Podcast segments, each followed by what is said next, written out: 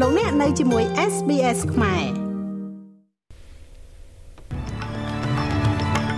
ថាវិការជំនួយគ្រោះមហន្តរាយត្រូវបានដាក់ចេញដើម្បីជួយដល់សហគមន៍ដែលរងគ្រោះដោយទឹកជំនន់ធនាគារ Commonwealth និង ANZ សម្រាប់ដំឡើងអត្រាការប្រាក់ទាំងស្រុងរបស់ធនាគារជាតិជនសង្ស័យក្នុងការបាញ់ប្រហារថ្ងៃទី4ខែកក្កដានៅសហរដ្ឋអាមេរិកត្រូវបានចោទប្រកាន់ពីបទមនុស្សឃាត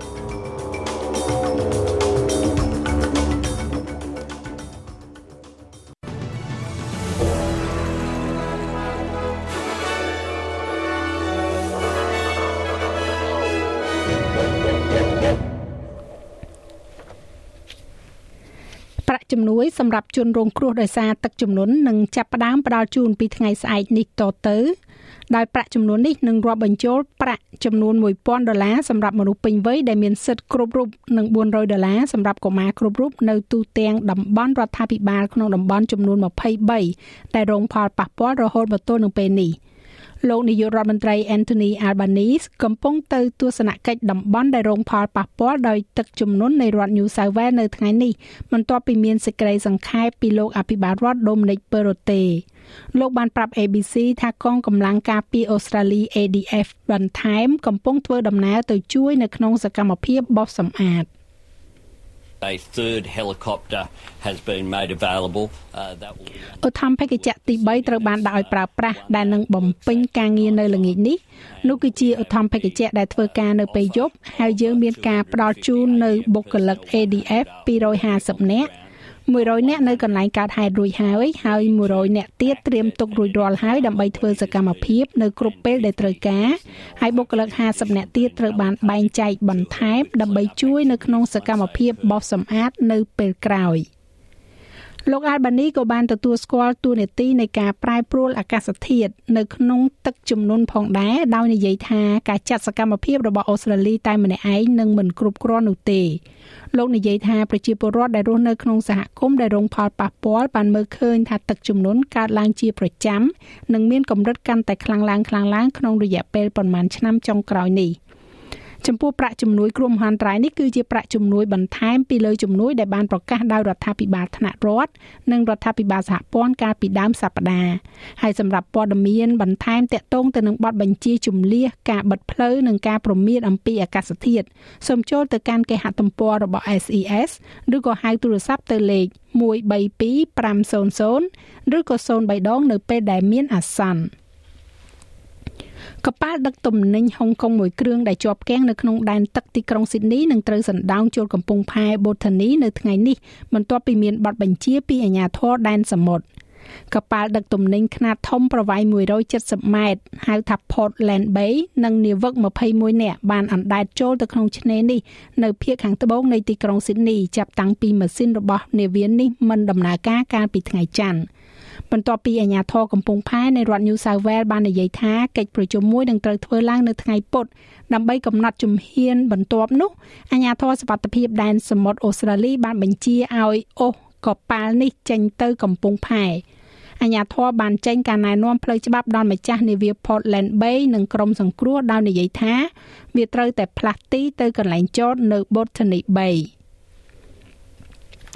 សេវាកម្មរថភ្លើងសម្រាប់អ្នកធ្វើដំណើរនៅរដ្ឋ New South Wales នឹងត្រូវកាត់បន្ថយប្រហែលជាពាក់កណ្ដាលបន្ទាប់ពីសហជីពផ្លូវដែកបានឈ្នះសិទ្ធិក្នុងការជំរុញសកម្មភាពឧស្សាហកម្មទៅមុខរដ្ឋាភិបាលថ្នាក់រដ្ឋបានចាញ់នៅក្នុងការតវ៉ារបស់ខ្លួនដើម្បីរារាំងសកម្មភាពដែលត្រូវបានការពារនៅក្នុងអំឡុងពេលសវនាការបណ្ដោះអាសន្នមួយនៅចំពោះមុខគណៈកម្មការយុទ្ធធរការងារកាលពីថ្ងៃអង្គារបន្ទាប់ពីការចរចាជាមួយសហជីពនេះបានបរាជ័យ។ លោកដូមីនិកពឺរ៉ូតេអភិបាលរដ្ឋ New South Wales មានប្រសាសន៍ថាលោករីករាយដែលសហជីពបានយល់ព្រមដាក់រថភ្លើងបន្ថែមទៀតនៅលើផ្លូវដែកប៉ុន្តែលោកមានប្រសាសន៍ថាការផ្ដោតសំខាន់គួរតែផ្ដោតទៅលើប្រជាជន That matters for the Fair Work Commission. My point has always been បញ្ហានោះគឺសម្រាប់គណៈកម្មាធិការ យុត្តិធម៌ការងារចំណុចរបស់ខ្ញុំតែងតែឆ្លងកាត់ការចរចាទាំងអស់នេះក្នុងរយៈពេលនេះយើងត្រូវការរថភ្លើងទាំងនោះនៅលើផ្លូវដែកឲ្យបានលឿនតាមដែលអាចធ្វើទៅបានហើយនោះគឺជាការរំពឹងទុករបស់ខ្ញុំហើយការរំពឹងទុករបស់ខ្ញុំគឺថាតើកែសហជីពដាក់ប្រជាជននៃរដ្ឋ New South Wales គឺជាកត្តាសំខាន់ចម្បងទី1 ទាំងធនាគារ Commonwealth និងធនាគារ ANZ បានចាត់វិធានការបង្កើនអត្រាការប្រាក់សម្រាប់ប្រាក់កម្ចីទិញផ្ទះក្នុងអត្រាប្រែប្រួលឬហៅថា variable rate របស់ពួកគេបន្ទាប់ពីការសម្រេចចិត្តរបស់ធនាគារកណ្ដាលនៅក្នុងការដំឡើងអត្រាសាច់ប្រាក់ជាផ្លូវការ ធនាគារធំធំទាំងពីរនេះបានទម្លាក់បន្តទាំងស្រុងទៅឲ្យអតិថិជនរបស់ខ្លួន ចំពោះការដំឡើងអត្រាការប្រាក់របស់ធនាគារកណ្ដាលប៉ុន្តែធនាគារ NAB និង Westpac នៅមិនទាន់ធ្វើការប្រកាសជាផ្លូវការអំពីជំហានបន្ទាប់របស់ពួកគេនៅឡើយនោះទេធនាគារកណ្ដាលនៃប្រទេសអូស្ត្រាលី ABA បានដំឡើងអត្រាការប្រាក់ដល់1.35%កាលពីថ្ងៃអង្គារដែលជាការកើនឡើងជាលើកទី3ជាប់ជាប់គ្នា គេរំពឹងថាអូស្ត្រាលីនឹងធ្វើតាមប្រទេសដទៃទៀតនៅលើពិភពលោកក្នុងការពង្រីកសិទ្ធិទទួលបាននូវវ៉ាក់សាំងបង្ការ COVID-19 ដូសទី4ដល់ប្រជាជនឲ្យកាន់តែទូលំទូលាយនៅពេលដែលប្រទេសនេះប្រឈមទៅនឹងការកើនឡើងនៅចំនួនករណីឆ្លងលោកនាយករដ្ឋមន្ត្រី Anthony Albanese និយាយថាអ្នកជំនាញផ្នែកចាក់ថ្នាំបង្ការនិងពិនិត្យមើលលើផុសតាំងដែលមាននៅមុនពេលធ្វើការណែនាំ។ គេរំពឹងថាក្រុមប្រឹក្សាបច្ចេកទេសអូស្ត្រាលីស្ដីពីការចាក់ថ្នាំបង្ការ និងពិភាក្សាអំពីអត្ថប្រយោជន៍នៃការពង្រីកសិទ្ធិទទួលបានការចាក់ថ្នាំដូសទី4នេះនៅក្នុងកិច្ចប្រជុំរបស់ពួកគេនៅថ្ងៃនេះ DI រដ្ឋ Victoria វិញក៏បានប្រកាសបន្តដាក់រដ្ឋនេះនៅក្នុងស្ថានភាពโรគរាតត្បាតរយៈពេល3ខែបន្ថែមទៀតអ្នកជំនាញផ្នែកសុខភាពក៏កំពុងពិចារណាផងដែរថាតើត្រូវ ដាក់មកវិញនៅការពាក់ម៉ាស់ជាកំហិតឬក៏ណែនាំឲ្យចាក់វ៉ាក់សាំងដូសជំរុញដូសទី2ដើម្បីទប់ស្កាត់ការកើនឡើងនៃករណីឆ្លង COVID-19 ដែរឬទេសេចក្តីប្រកាសនេះត្រូវផុតកំណត់មុនពាក់កណ្ដាលអាធ្រាត្រថ្ងៃអង្គារសប្តាហ៍ក្រោយប៉ុន្តែត្រូវបានបន្តរហូតដល់យ៉ាងហោចណាស់ថ្ងៃទី12ខែតុលា លោកអភិបាលរដ្ឋ Daniel Andrews មានប្រសាសន៍ថាលោកពេញចិត្តក្នុងការបន្តសេចក្តីប្រកាសនេះខណៈដែល COVID-19 កំពុងតែបន្តបង្កហានិភ័យធ្ងន់ធ្ងរដល់សុខភាពសាធារណៈទូទាំងរដ្ឋចំណែកឯនៅក្នុងប្រទេសកម្ពុជាវិញនោះចំនួនអ្នកចាក់វ៉ាក់សាំងបង្ការ COVID-19 ដូសជំរុញនេះក៏នៅតែមានចំនួនតិចតួចនៅឡើយទោះបីជារដ្ឋាភិបាលកំណត់វាថាជាវ៉ាក់សាំងកាតព្វកិច្ចសម្រាប់មន្ត្រីរាជការក៏ដោយ។ ដោយសារតែកំណើនអ្នកចាក់វ៉ាក់សាំងដូសទី3ទី4ទី5នៅតិចតួចដូច្នេះហើយកាលពីសប្តាហ៍មុនរដ្ឋាភិបាលបានបើកយុទ្ធនាការជំរុញការចាក់វ៉ាក់សាំងនៅតាមរាជធានីខេត្តដោយមានទាំងរៀបចំនៅក្រុមគ្រូពេទ្យចោះចាក់នៅតាមភូមិនិងតាមសាលារៀនផងដែរចាស់ឲ្យលោកមេងផល្លានឹងជួនសេចក្តីរាយការណ៍លម្អិតនៅវគ្គក្រោយបន្ថែមទៀតឬលោកអ្នកអាចចូលស្ដាប់របាយការណ៍ពេញលើគេហទំព័ររបស់យើងនោះគឺ sbs.com.au/ ខ្មែរ ជនសង្ស័យដែលថាជាអ្នកបាញ់ប្រហារនៅក្នុងពិធីដង្ហែបុណ្យឯករាជ្យជាតិនៅទីក្រុង Chicago របស់សហរដ្ឋអាមេរិកត្រូវបានចោទប្រកាន់ពីបទមនុស្សឃាតចំនួន7ករណីលោក Robert E. Crimo អាយុ21ឆ្នាំត្រូវបានគេចោទប្រកាន់ថាបានបាញ់រះជាង70ជុំពីលើដំបូលអគារមួយទៅលើវងមនុស្សនៅក្នុងអំឡុងពេលប្រារព្ធពិធីថ្ងៃ4កក្កដា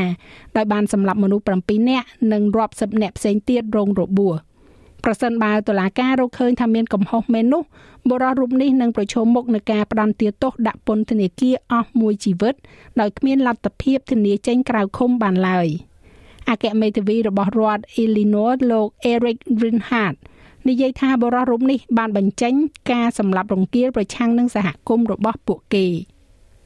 These are just the first of many charges that will be filed against ទាំងនេះគ្រាន់តែជាការចោទប្រកាន់ដំបូងបង្អស់ក្នុងចំណោមការចោទប្រកាន់ជាច្រើនដែលនឹងត្រូវប្តឹងលោក Crimo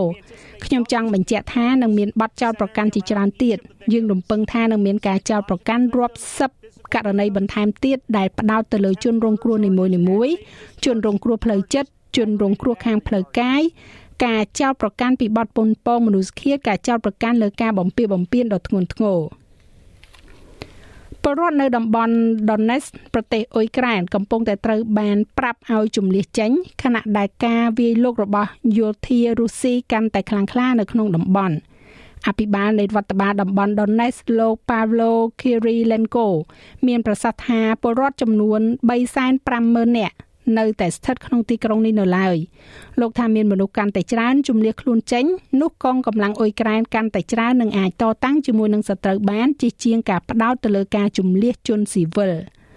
លោក Ivan គឺជាអ្នកស្រុកនៃទីក្រុង Donetsk បាននិយាយថាទីហ៊ានរុស្ស៊ីមានចេតនាធ្វើភេរវកម្មដល់ជនស៊ីវិល។ The buses aren't working. ឡានក្រុងមិនដំណើរការទេឡានក្រុងមិនដំណើរការព្រោះគេកំពុងវាយលុកមកលើពួកយើង បាញ់ផ្លោងកាន់តែច្រើន ជាសត្វដេរិឆាន ពួកគេកំពុងធ្វើវាក្នុងគោលបំណងបន្លាចមនុស្សមើលទៅនេះគឺជាសង្គ្រាម ការបាញ់ផ្លោងហើយការបាញ់ផ្លោងកាន់តែច្រើន ហើយវានៅមិនទាន់គ្រប់គ្រាន់ទៀត។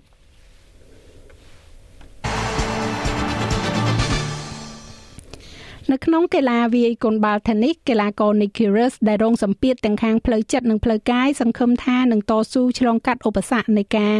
ឈឺចាប់ក្នុងការតាមរកការប្រកួតក្នុងវគ្គពាក់កណ្ដាលផ្ដាច់ព្រាត់ Grand Slam ជាលើកដំបូងរបស់ខ្លួននៅ Wimbledon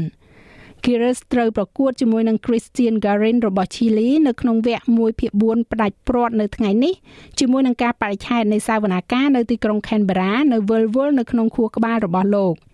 ដំណឹងនេះទៅតែលេបចេញកាលពីយប់មិញដែលកីឡាករវ័យ27ឆ្នាំរូបនេះត្រូវបានតម្រូវឲ្យបង្ហាញខ្លួននៅតុលាការ ACT Magistrate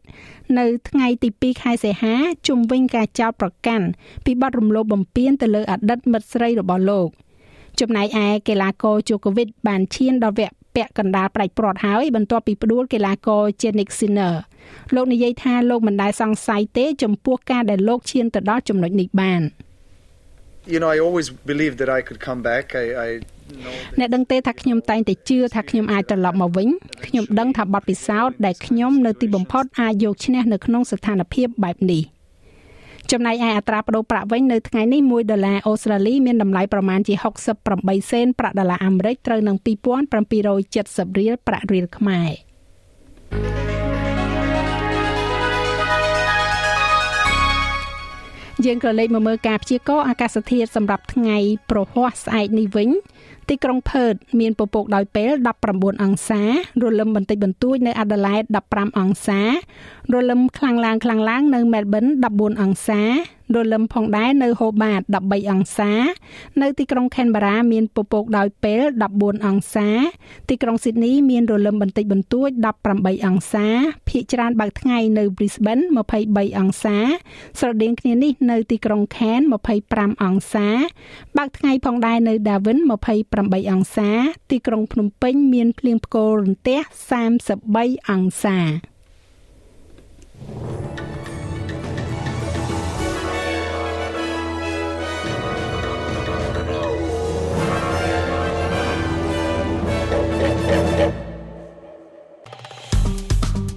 ចុច like share comment និង follow SPS ខ្មែរនៅលើ Facebook